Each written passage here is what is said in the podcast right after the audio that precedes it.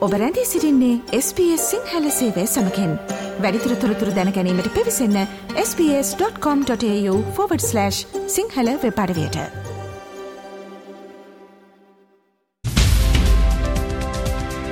මවබිමින් පුවත්. ඔස්ට්‍රේලියාවේ අද උදැස්ස නවද විට ශ්‍ර ලංකාවෙන් වාර්තාාවන ප්‍රධානතම පුවත් කිහිපය මෙන්න. අද සැප්තැම්බර් මාසේ දා හතරවෙනිදා මෞබිමින් පත් විශේෂාන්ගේෙන් ඊ දිනේ ශ්‍රී ලංකාවේ සිදුවම් දෙස අපි අවධානයොමු කරන වෙලාව. මේ දිනවල පැවති දුම්රිය වැඩවර්ජනය සම්බන්ධයෙන් බොහෝ දිනකුගේ අවධානය යොමු වෙලා තිබෙනවා. දුම්රියෙන් ගමන් පහසුකම් සලසා ගන්නා මගින් මේ දුම්රිය වර්ජනය නිසා දැඩිසේ පීඩාවට පත් වුණා වගේම ජීවිත අහිමිවීම පිළිබඳවත් වාර්තා වුණා. දුම්රිය රියදුරන්ගේ වැටුප් සම්බන්ධ ඉල්ලීම් කිහිපයක් මුල් කරගෙන තමයි මේ වැඩවර්ජන ක්‍රියාමාර්ගය දියත් කරලා තිබුණේ. ජනාධිපතිවරයා මේ සම්බන්ධයෙන් පෙරේද දිනේ දුම්රිය සේවය අත්‍යවශ්‍ය සේවයක් බවට ගැසට් කරමින් විශේෂ ගැසට් පත්‍රයකුත් නිකුත් කරලා තිබුණා. ඒ මත පදනම්ව ඊයේ දිනේ සේවකයින් සේවයට වාර්තා කළේ නෑ. නමුත් ඊයේ පස්වරුවේ පැවැත්වුණු සාකච්ඡාවකින් අනතුරුව දුම්රිය වර්ජනය නිමා කරන්න දුම්රිය එන්ජින් රියදුරන් තීරණය කරලා තියෙනවා කියලා වාර්තා වෙනවා. ඉතින් ඒ අනුව මේ සම්බන්ධයෙන් මැදිහත් වුණු ලොකොමොටිව් ඔපරේටිංස් ඉංජිනියර්ස් කියන වෘත්තිය සමිතිය තීරණය කරලා තියෙනවා වැරවර්ජනය අවසන් කරන්න. ඔවුන් කියන්නේ මේ පැවැත්වුණු සාකච්ඡාවේදී ඔවුන්ගේ ඉල්ලීම් වලට යහපත් ප්‍රතිචාරයක් ලැබුණු නිසා වර්ජනය අවසන් කරනවා කියලා. වර්ජනයට අදාළ වන කාරණා සම්බන්ධයෙන් පිළිතුරු ලබා ගන්න මොනවද කරන්න කියන කාරණය පිළිබඳව ඊයේ දවසේ විෂය භාර අමාත්‍ය බන්දුලු ගුණවර්ධන ඇමතිතුමා අදහස් දැක්වීමක් කළා. අපේ බලසීමාව තුළ ඇමතිවරයට හෝ කැබිනට් පන්ඩයට කළ හැකි කාර්යයක් ඕන බවත් ඒ සඳහා රාජ්‍ය සේවා කොමිසමට යම් කිසි විකල්පයක් අනිත් සේවාවන් වලට රාජ්‍යන්සයට බල නොපාන ආකාරයට කිසියම් විසඳුමක් ලබා දෙන්න පුළුවන්ද කියලා රාජ්‍ය සේවා කොමිසමට කරුණු ඉදිරිපත් කරන්න සති දෙකක කාලයක් ලබා දුන්නා. ඒ අනුව සති දෙකක් තුළ මේ ගැටලුව විසඳ ගන්න පුළුවන්ද කියලා උත්සාහයක් දරනවා. දුම්රිය වර්ජනය ක්‍රියාත්මක වන අතරතුර රජයේ වෛද්‍යලධාරන්ගේ සංගමයත් විශේෂ අවධානයකට යොමු කලා කාරණයක් වෛද්‍ය සේවයට අදාළ ගැටලු නිරාකරණය කරන්නත් කඩිනමින් රජයේ මැදිහත් නොවනොත් ඒ සම්බන්ධයෙන් ක්‍රියාමාර්ග ගත්තේ නැත්නම් ඉදිරියේදී ඊට ප්‍රතිචාර දක්වන්න සූදානම් කියලා ඒ කියන්නේ තවත් වැඩවර්ජනයක පෙරනිමිති තමයි පේන්න තියෙන්නේ. එවැනි ප්‍රතිචාරයක් දක්වන්න සූදානම් කියලා රජයේ වෛද්‍ය නිලධාරීන්ගේ සංගමයත් සඳහන් කළා. ඒ අනුව ඉදිරියේදී තවත් වෛද්‍ය වර්ජනයකටද මේ සූදානම් වෙන්න කියන කාරණය මතුවෙනවා. දින පිළිබඳවත් අදහස් පළ කළා. මේ රජයේ වෛද්‍ය නිලධාරීන්ගේ සංගමේ ලේකම් වෛද්‍ය හරිත අලුත්ගේ. කෙටිකාලීනව අපි ඉල්ලා දෙන අවුරුදු 6කින් යථාවත් වෙලා නැති DAT දීමනාව සංශෝධනය කිරීම සම්බන්ධයෙන් ආණ්ඩුවේ ස්ථාවරය ප්‍රකාශ කරන්න බැරි නම් කනගාටුවෙන් වුණත් 27 වෙනිදායින් පස්සේ මේ අපේ ඉවසීමේ සීමාව එහෙම නැත්නම් රතු කට්ට පනින්න ඉඩ තියෙනවයි කියන බරපතල පණිවිඩය රජයට දිය යුතුයි කියන එක අද දවසේ මධ්‍යම කාරක සභාව එකමතිකව තීරණය කළා. ඒ කමිටුව හරහා ඉදිරි කාලය තුල ගන්න ඒ තීන්දුව තීරණ අපිට 27 වෙනිදා පැවැත්වෙන මධ්‍යම කාරක සභාවේදී අපි ඉදිරිපත් කරන්න තෝදානම් ඒ මොහොතේදී බලධාරීන්ගෙන් ලැබිලා තියෙන ඇල්මැරුණු උත්තර නම් අපිට වෙන විකල්පයක් ඉතුරු වෙන්නේ නැහැ. අපිට 27 වෙනිදායින් පස්සේ මේ රටම ආවරණය වන වැඩවර්ජන ක්‍රියාමාර්ගයකට වෘත්තීය සමිති ක්‍රියාමාර්ගයකට අකමැත්තෙන් උනත් යන්න සිද්ධ වෙනවායි කියන බරපතල අනුතුරු ඇඟවීම මේ මොහොතේදී රජයේ වෛද්‍යාරික සංගමයේ විදිහට අපිට සිද්ධ කරන්න සිද්ධ වෙනවා.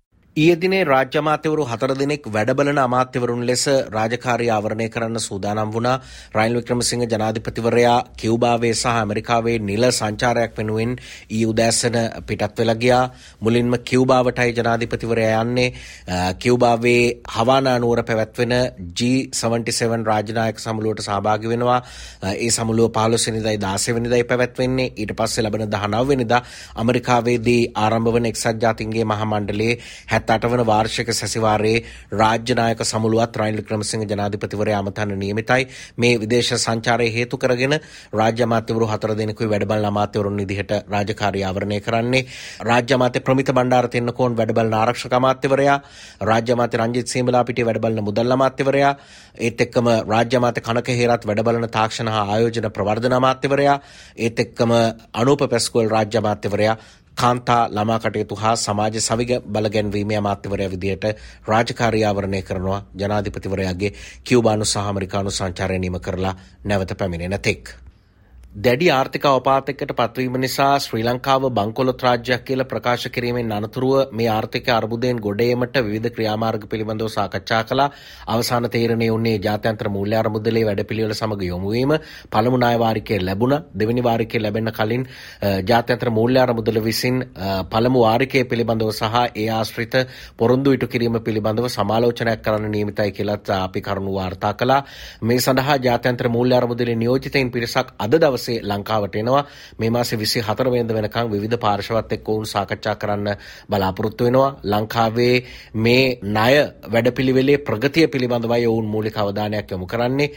විවිධ පාර්ශව සමග සාකච්ඡා කරලා ණය ප්‍රතියෝගත කිරීම සම්බන්ධයෙන් යම් යම් එකඟතාවන්ට ඇවිල්ලා තියෙනවා. ඉතින් ඒ සම්බන්ධයෙන් ඉදිරිය පිළිබඳව තහවුරුවක් කරන්න තමයි මේ ජාත්‍යන්තර මූල්‍ය අරමුදලේ නියෝජිතයින් අද ලංකාවට ඇවිල්ලා විසි හතරවැනිද වනකං විවිධ පාර්ශව සමග සාකච්ඡා කරන්න නියමිත වෙලා තියෙන්නේ.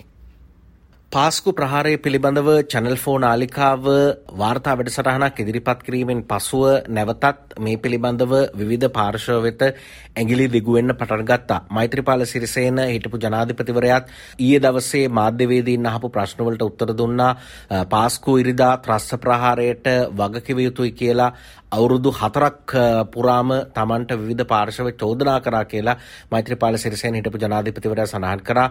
චැනල් ෆෝන් ආලිකාව වෙනත් කරුණුත් හෙළිදරව් කරලා තියෙන නිසා ඒ ගැන ජාත්‍යන්තර විමර්ශනයක් ආරම්භ කරන්න අවශ්‍යයි කියලා මෛත්‍රපාල සිරිසයන හිටපු ජනාධිපතිවරයා සඳහන් කරලා තියෙනවා. ඒ වගේම මෙවැනි ක්‍රියාමාර්ග නිසා වෙන හානිය පිළිබඳව විදේශ කටයුතු අමාත්‍ය අලි සබ්‍රි අමතිතුමා සහ මෙතෙක්කල් සඳහන් කරපු මහමොලකරුවන් පිළිබඳව උදේ ගම්මන් පිළ මන්ත්‍රීවරයා අදහස් දැක්වීම් සිදු කරා අපි බලමු මොනවද එහිදී ඔවුන් සඳහන් කළේ කියලා. මේක පිටිපස්සේ සැඟවුණු න්‍යායපත්‍රයක් තියෙනවා. ඊට මුදල් ආයෝජනය කරන ඉන්නවා. අනවශ්‍ය විදිහට ලංකාවේදී අපි මේක පිළිබඳව සම්පූර්ණයෙන්ම වහලා දාන එක නෙවෙයි. අනවිචිත කලබල පත් වෙලා එකිනෙකාට මඩ ගහනකොට අවසාන වශයෙන් මේකේ පාඩුව විදවා ගන්න සිද්ධ වෙන්නේ ශ්‍රී ලංකාවට කියන එක අපි දැනගන්නට ඕන. මේක දේශපාලනඥයන්ට සීමා වෙච්ච දෙයක් නෙවෙයි. අවසාන වශයෙන් ඔවුන්ගේ ඉලක්කය බවට පත් වෙන්නේ ශ්‍රී ලංකාව රාජ්‍යයේ විශ්වාසනීයතාවය බිඳවට්ටන්න ඒකට අහුවෙන්න එපා කියන එක තමයි අපි ඉල්ලා සිටින්නේ. ප්‍රස්තවාදී ප්‍රහාරය එල්ල වුණත් එක්කම මහමුලකරු උනේ ISIS සංවිධානය ඊළඟට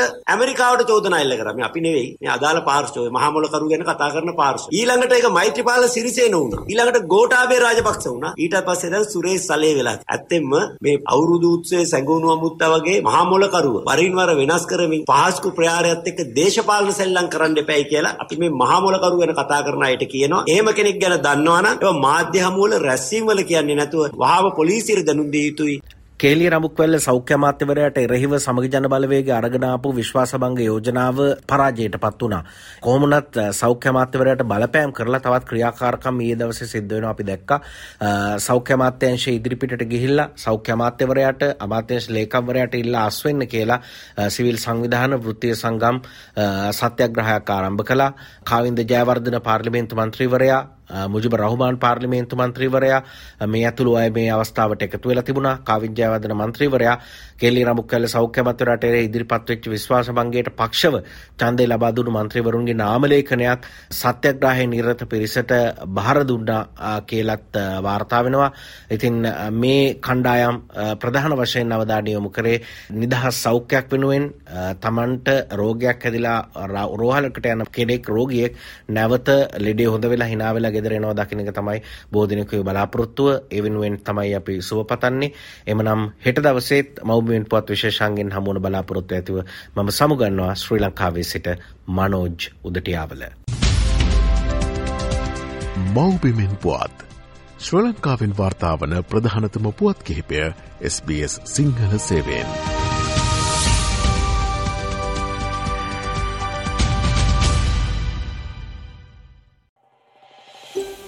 මේ වගේ තවත්තොරතුරු දැනගන්න කැමතිද. එහමනම් Apple podcast Google podcast Spotify ඔබගේ පොඩ්කාස්ට ලබාගන්න ඕනෑ මමාතයකින් අපට සවන්දය හැකේ.